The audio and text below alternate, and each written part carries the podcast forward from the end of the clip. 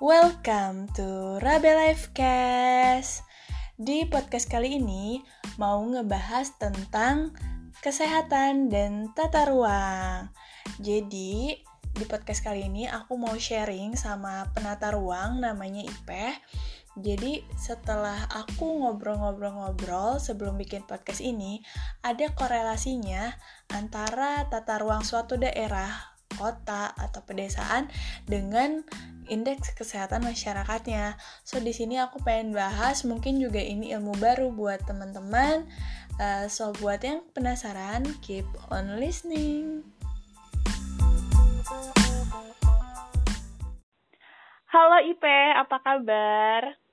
Hai Bel, alhamdulillah baik, baik, baik, baik, baik, baik. Alhamdulillah, seneng deh dengernya. Nah, sekarang di hmm. podcast kali ini pengen sharing nih sama Ipeh tentang hmm, background Ipeh tuh apa dan nanti bahas pengen bahasnya nanti relate-nya sama ke kesehatan sih. Oke, Peh, boleh langsung share aja background Ipeh tuh uh, sebagai apa dan kerjaan Ipeh tuh gimana? Oke, jadi um, dulu aku sekolah kuliah sih, kuliah S1 itu di program studi namanya Perencanaan Wilayah dan Kota. Mungkin kalau hmm. teman-teman yang familiar uh, di ITB kayak lebih familiarnya sama planologi gitu nyebutnya. Hmm. Hmm, ini tuh kalau di UGM sendiri kan aku di UGM ya. Hmm. Di UGM itu di, ini masuk ke jurusan um, teknik arsitektur, tapi kayak hmm. dia punya prodi sendiri basically ketika kamu lulus kemudian kamu bisa ambil profesi sebagai seorang perencana tata ruang nah hmm. ini tuh hmm. kerjaannya ngapain ngapain tuh gue penasaran sederhananya kayak kita bikin rencana untuk um, kota, kabupaten, uh, provinsi, bahkan skala nasional gitu. Mm-hmm. Jadi kayak hmm. kita mengatur mulai dari struktur ruangnya, kayak mm-hmm. um, jaringan antar kota, jaringan antar daerah, terus kayak yang mana yang kemudian punya peran lebih, yang mana yang punya peran pendukung kayak gitu. Terus juga pola ruangnya kayak gimana. Jadi kayak kawasan-kawasan mana yang digunakan sebagai fungsi apa. Jadi kayak ada fungsi lindung yang emang um, apa ya gampangnya fungsi lindung ini um, emang dilindungi gitu. Hmm, okay. Sama yang budidaya tuh yang emang itu digunakan untuk uh, apa hal-hal produktif kayak misalnya pertanian, permukiman, komersial hmm. dan lain sebagainya kayak gitu hmm. sih. Sim okay. simpelnya gitu. Hmm. Terus uh, ada nggak sih sebenarnya tentang tata ruang ini di tadi perencanaan wilayah kota, kabupaten atau daerah itu hubungannya dengan kesehatan? Hmm, oke. Okay.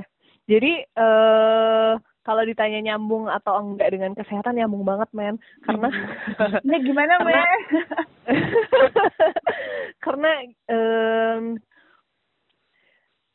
lo ngebikin kota yang seperti apa itu akan mempengaruhi kesehatan warganya gitu kayak hmm. misalnya hmm, gampangnya gini deh kita ambil kasus nggak usah satu kota dulu ya tapi kayak hmm. satu kawasan dalam kota misal kampung gitu uh -uh. beda ketika kamu tinggal di kampung yang dia punya lingkungan yang bersih, dia punya layanan uh, air bersih, dia punya layanan uh, prasarana san sanitasi yang oke, okay, terus dia juga dekat dengan layanan kesehatan, dan kamu bisa punya kualitas hidup yang lebih baik ketika kamu tinggal di sana gitu. Dibandingkan dengan misalnya uh, kampung yang kumuh dalam tanda kutip ya mm-hmm. terus juga kayak nggak bersih terus habis itu kamu nggak punya akses terhadap layanan-layanan yang tadi maka mm-hmm. kualitas kehidupan kamu akan menurun dan itu bisa jadi akan uh, bikin orang-orang yang tinggal di dalamnya semakin rentan terhadap penyakit-penyakit tertentu misalnya kayak kalau ini deh apa demam berdarah mm. uh, kan nyamuknya banyak uh, berkembang biak di genangan gitu kan.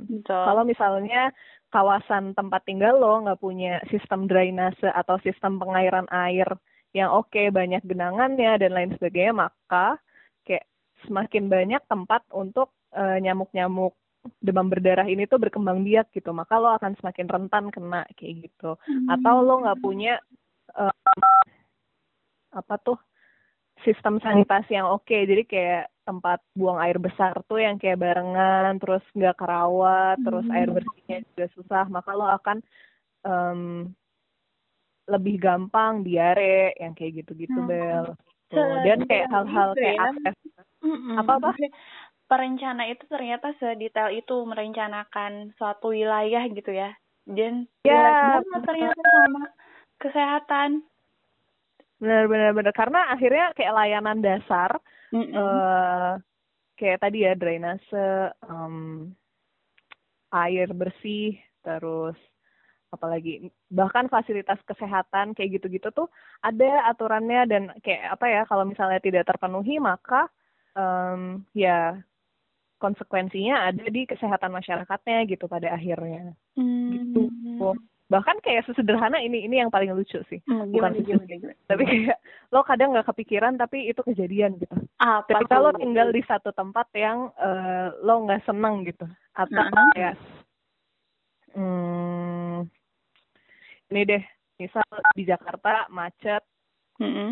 um, terus habis itu lo pulang lagi butuh waktu commute sekian jam hmm Terus yang lo lihat dalam perjalanan lo itu adalah tempat-tempat yang tidak membuat lo senang untuk melihatnya.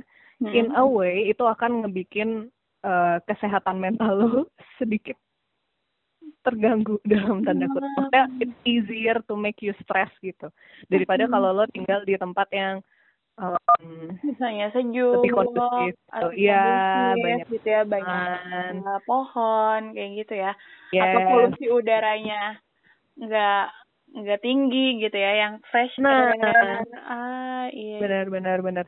Dan hal-hal kayak transportasi, terus kepadatan, terus kayak jaringan kayak gitu-gitu tuh bisa diatur oleh perencana perencana gitu. Oh, menarik sih. Gue baru tahu tentang profesi apa perencana ini karena gue background gue kesehatan terus kayak ah apa tuh tapi ternyata bisa relate juga gitu ke kesehatan. Mm -mm. Terus, gue juga sebenarnya baru nemuin real, relation ini tuh nggak nggak nggak apa maksudnya belum lama gitu. Mm -hmm. Waktu kuliah gue pernah apa pernah ada mata kuliah tentang ketangguhan kota gitu kan resiliensi. Hmm. Di situ emang dibahas sih hmm. kayak salah satu hal yang berpengaruh eh salah satu topik dalam resiliensi itu tuh yang hubungannya sama kesehatan gitu. Tapi kayak waktu itu gue kayak ya iya iya aja gitu kan. Bahkan kayak nemuin ada ada emang sekolah perencana yang kemudian dia emang ngerelatein antara praktek perencanaan itu dengan kesehatan masyarakat. Tapi kayak baru-baru ini kayak kerasa banget mm-hmm. um, impactnya gitu. Mm.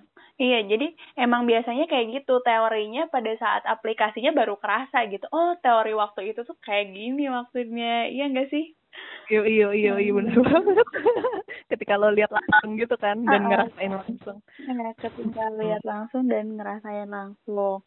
Terus apalagi apa ya yang yang bisa dibahas tentang kesehatan dan tata kota ada insight lain kah atau seberapa penting sih perencanaan kota ini untuk hmm, si kesehatan masyarakat gitu atau misalnya lo punya case apa gitu yang bisa di sharing yang pernah lo temuin di uh, lapangan atau misalnya cerita apa pun deh yang berhubungan dengan hmm, si tata kota ini. Hmm. Oke, okay. Wow, hard question. uh, apa ya? Um, mungkin aku ngehubungin sama kasusnya yang kita alami sekarang ya dengan okay. dengan pandemi kita asik yeah, yang lagi ada. Tapi sebenarnya gue kayak belum sebegitu tahu ya. Maksudnya gue uh, dalam posisi lagi banyak mencari tahu tapi bukan yang terus tahu itu gitu. Iya. Kita ini aja ya, sharing ilmu aja mungkin bisa relate uh, di kondisi sekarang kayak gitu. Yoi. Nah, um, bentar, gue bernafas dulu. Baik, boleh. Aduh. Hmm. ini nih, um, gue kemarin sempat nonton mm -hmm. salah satu TED Talk kayak Bill Gates gitu di tahun 2015. Mm -hmm. Ketika itu kita habis kena um, krisis karena Ebola, tapi itu kayak di bagian Afrika doang gitu, mm -hmm. kayak nggak nyampe kena ke seluruh dunia. Nah, ketika itu tuh dia sempat memperingatkan bahwa um, sebenarnya in the next decade kayak mm-hmm. ancaman yang paling mengancam keberlangsungan hidup manusia itu tuh bukan dari nuclear war loh, tapi dari pandemi global gitu. Kalau misalnya kita nggak punya sistem kesehatan yang oke, maka uh, kayak resiko cost untuk menghadapi itu tuh akan sangat tinggi buat kita gitu. Okay. Nah dia tuh sharing tentang hmm, waktu itu tuh Ebola kenapa dia tidak terlalu menyebar sebegitunya karena hmm. kondisinya si Ebola ini tuh ketika orang terjangkit Ebola maka orangnya akan terlalu sakit untuk ke mana-mana gitu. Jadi kayak potensi hmm. untuk nyebar luasin ke orang yang semakin uh, banyak yang yang akan ke mana-mana tuh berkurang. Terus habis itu yang kedua karena penyakit ini tuh uh, tidak um, tidak tertular karena eh tidak tertular dari saluran pernafasan. Mm-hmm. Terus yang ketiga karena dia terjadinya tidak di pusat-pusat kota yang padat gitu. Nah, mm-hmm. terus yang kita hadapin sekarang adalah mm-hmm. sebuah virus yang orang kalau kena uh, virusnya atau bahkan ngebawa virusnya tuh kadang kita nggak sadar gitu kan kayak yeah, kita yeah. segampang itu untuk move dari satu tempat ke tempat lain gitu kayak mm -hmm. ya Apple aja gitu kayak nggak kerasa terus habis mm -hmm. itu yang kedua karena dia salah satunya tertular karena eh dari saluran pernafasan terus yang ketiga dia banyak ada di kota-kota besar gitu kan mm -hmm. nah kayak jadi dilematis gitu loh ketika um, it happens in big cities kayak kayak kamu lagi ngerasain PS ngerasain PSBB nggak sih? Iya PSBB lagi di Jakarta nih. Nah kayak apa ya kayak dilematis karena akhirnya dengan kondisi virus yang kayak gitu tuh, mm-hmm. hmm, dan pergerakan orang yang sebegitunya di kota akhirnya penyebarannya tuh gampang mm-hmm. dalam ya kayak gampang gitu dan hmm, akhirnya ketika kita berusaha untuk mengatasi itu dengan adanya pengurangan uh, bukan pengurangan sih lebih ke restriksi. Hmm, pembatasan untuk uh, orang berkomut gitu ya. Berpindah uh, dari satu tempat ke tempat lain terus ya itu buat bekerja dan lain sebagainya mm -hmm. akhirnya kayak dampaknya sangat masif gitu ya nggak sih mm -hmm. Iya iya. Kayak iya. akhirnya gak cuman ke kesehatan tapi juga ke um, ekonomi, ke hmm. gitu. Dan ketika misal apa namanya dengan terbatasnya fasilitas kesehatan yang ada di kota itu tuh pada hmm. akhirnya ya ya ya udah ya udah. Jadi uh, ya apa ya kayak kurang kurang siap untuk menerima si penyakit yeah, yeah, yeah. untuk apa ya dan kayak gampang banget buat saling menularkan satu sama lain dalam kondisi itu dan ketika mm -hmm. ketika kota tidak mengambil satu uh, satu langkah yang apa ya satu langkah yang tepat ya akhirnya resikonya semakin tinggi semakin tinggi gitu. Iya. Oke, okay, Peh.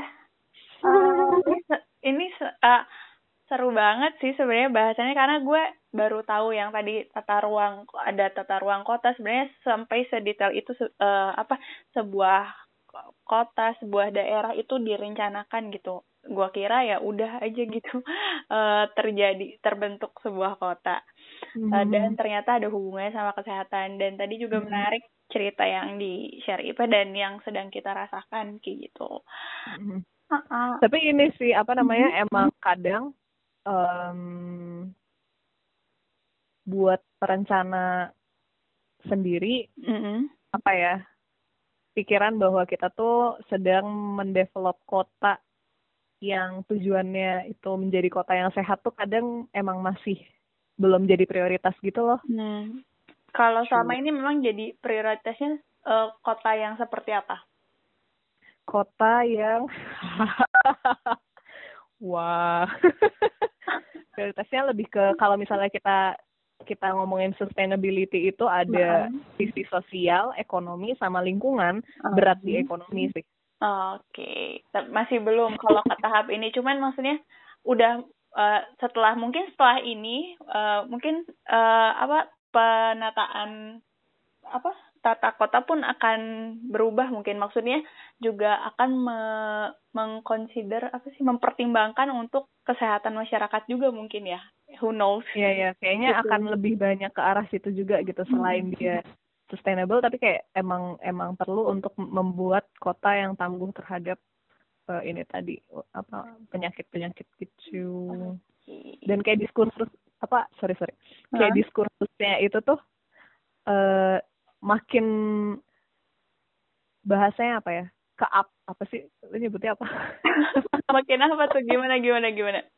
Maksudnya diskursus tentang kota sehat itu jadi satu hal yang hot topic ya? gitu sekarang ya jadi orang hmm, benar gitu jadi ada perhatian lah untuk um, apa ya membahas atau mereview tata kota yang relate yeah. Iya. uh, dengan kesehatan masyarakatnya gitu gitu termasuk okay. dari kayak fasilitas kesehatannya mm-hmm.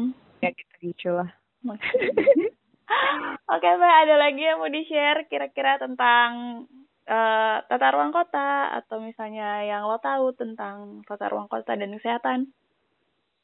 Oh, kayaknya itu dulu sih. Nah, buat sharingnya. Semoga hal ini beneran baru buat gue yang dengar juga mungkin yang yang bukan dari apa background lo juga mungkin baru dan ini bisa jadi ilmu yang baru buat kita semua.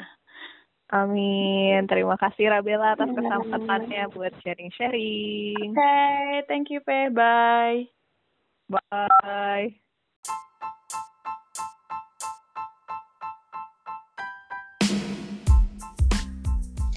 So, cukup sekian bahasan aku dan Ipeh mengenai kesehatan dan tata ruang. Kalau misalnya ini ilmu baru juga buat kalian, semoga bisa menambah wawasan dan ilmu pengetahuan. And see you in the next podcast.